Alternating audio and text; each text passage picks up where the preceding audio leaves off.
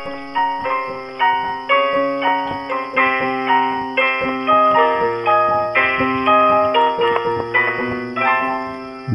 Podcast.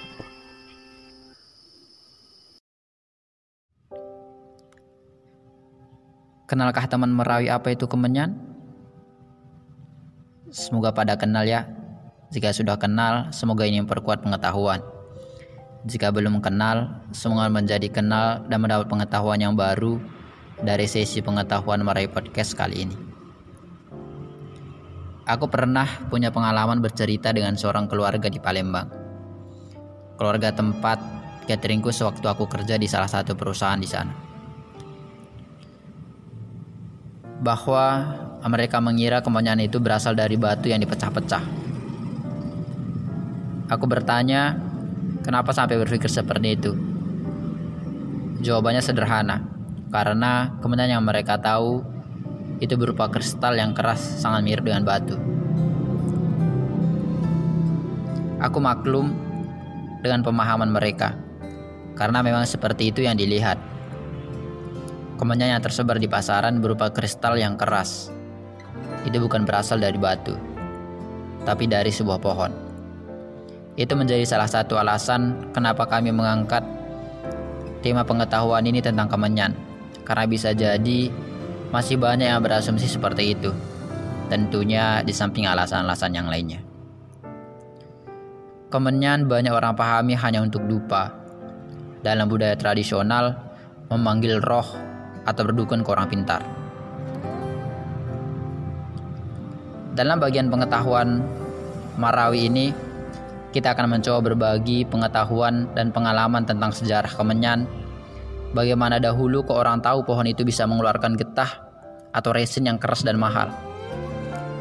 Bagaimana ciri tanaman kemenyan itu, ada berapa saja jenis kemenyan, di mana saja dapat ditemukan kemenyan? Dan untuk apa saja kemenyan itu dimanfaatkan.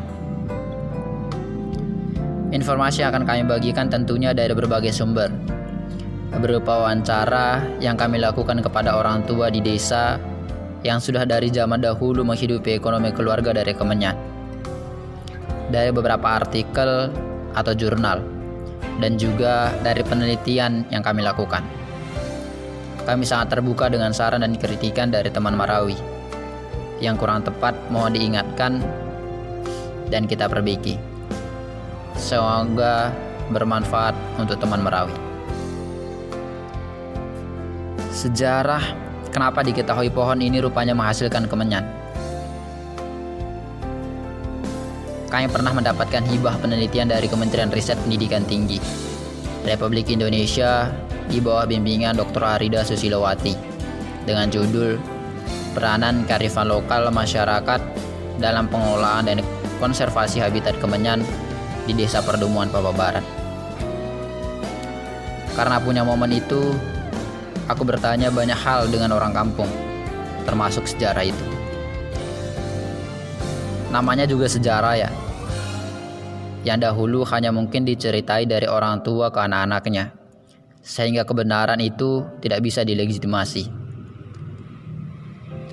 Akan tetapi, selalu ada pelajaran yang kita bisa ambil dari sebuah cerita sejarah. Dari tokoh yang aku wawancara ini, aku memanggilnya Pak Imam, karena beliau memang seorang imam di masjid kampung. Beliau bercerita,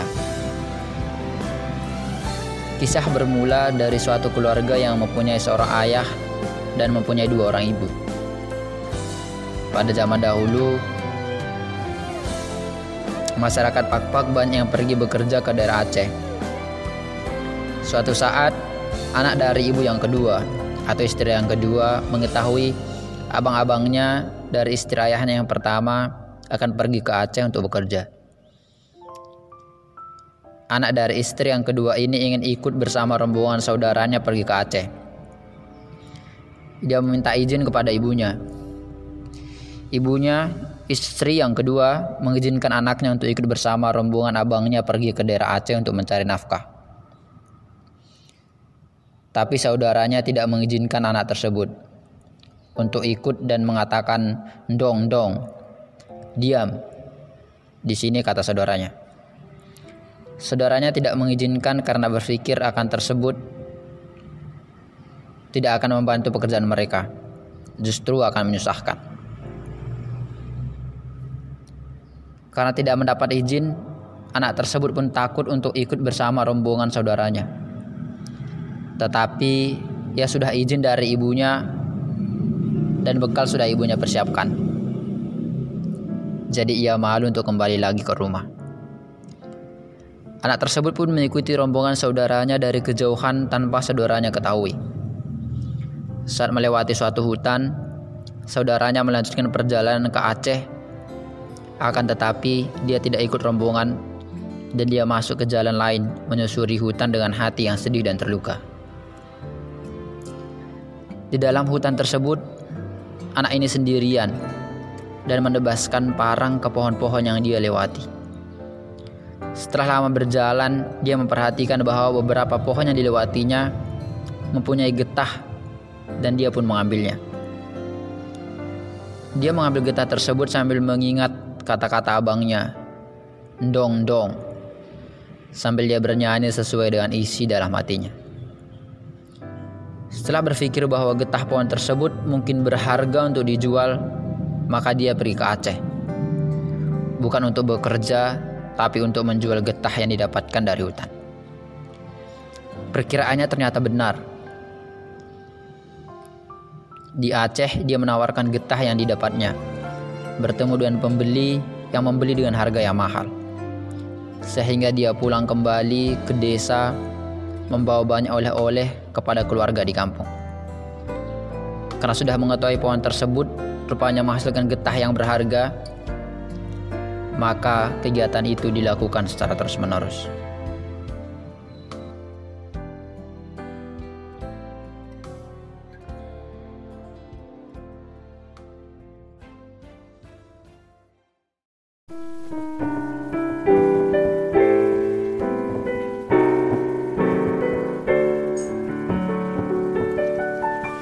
Sampai jumpa di Marawi Podcast.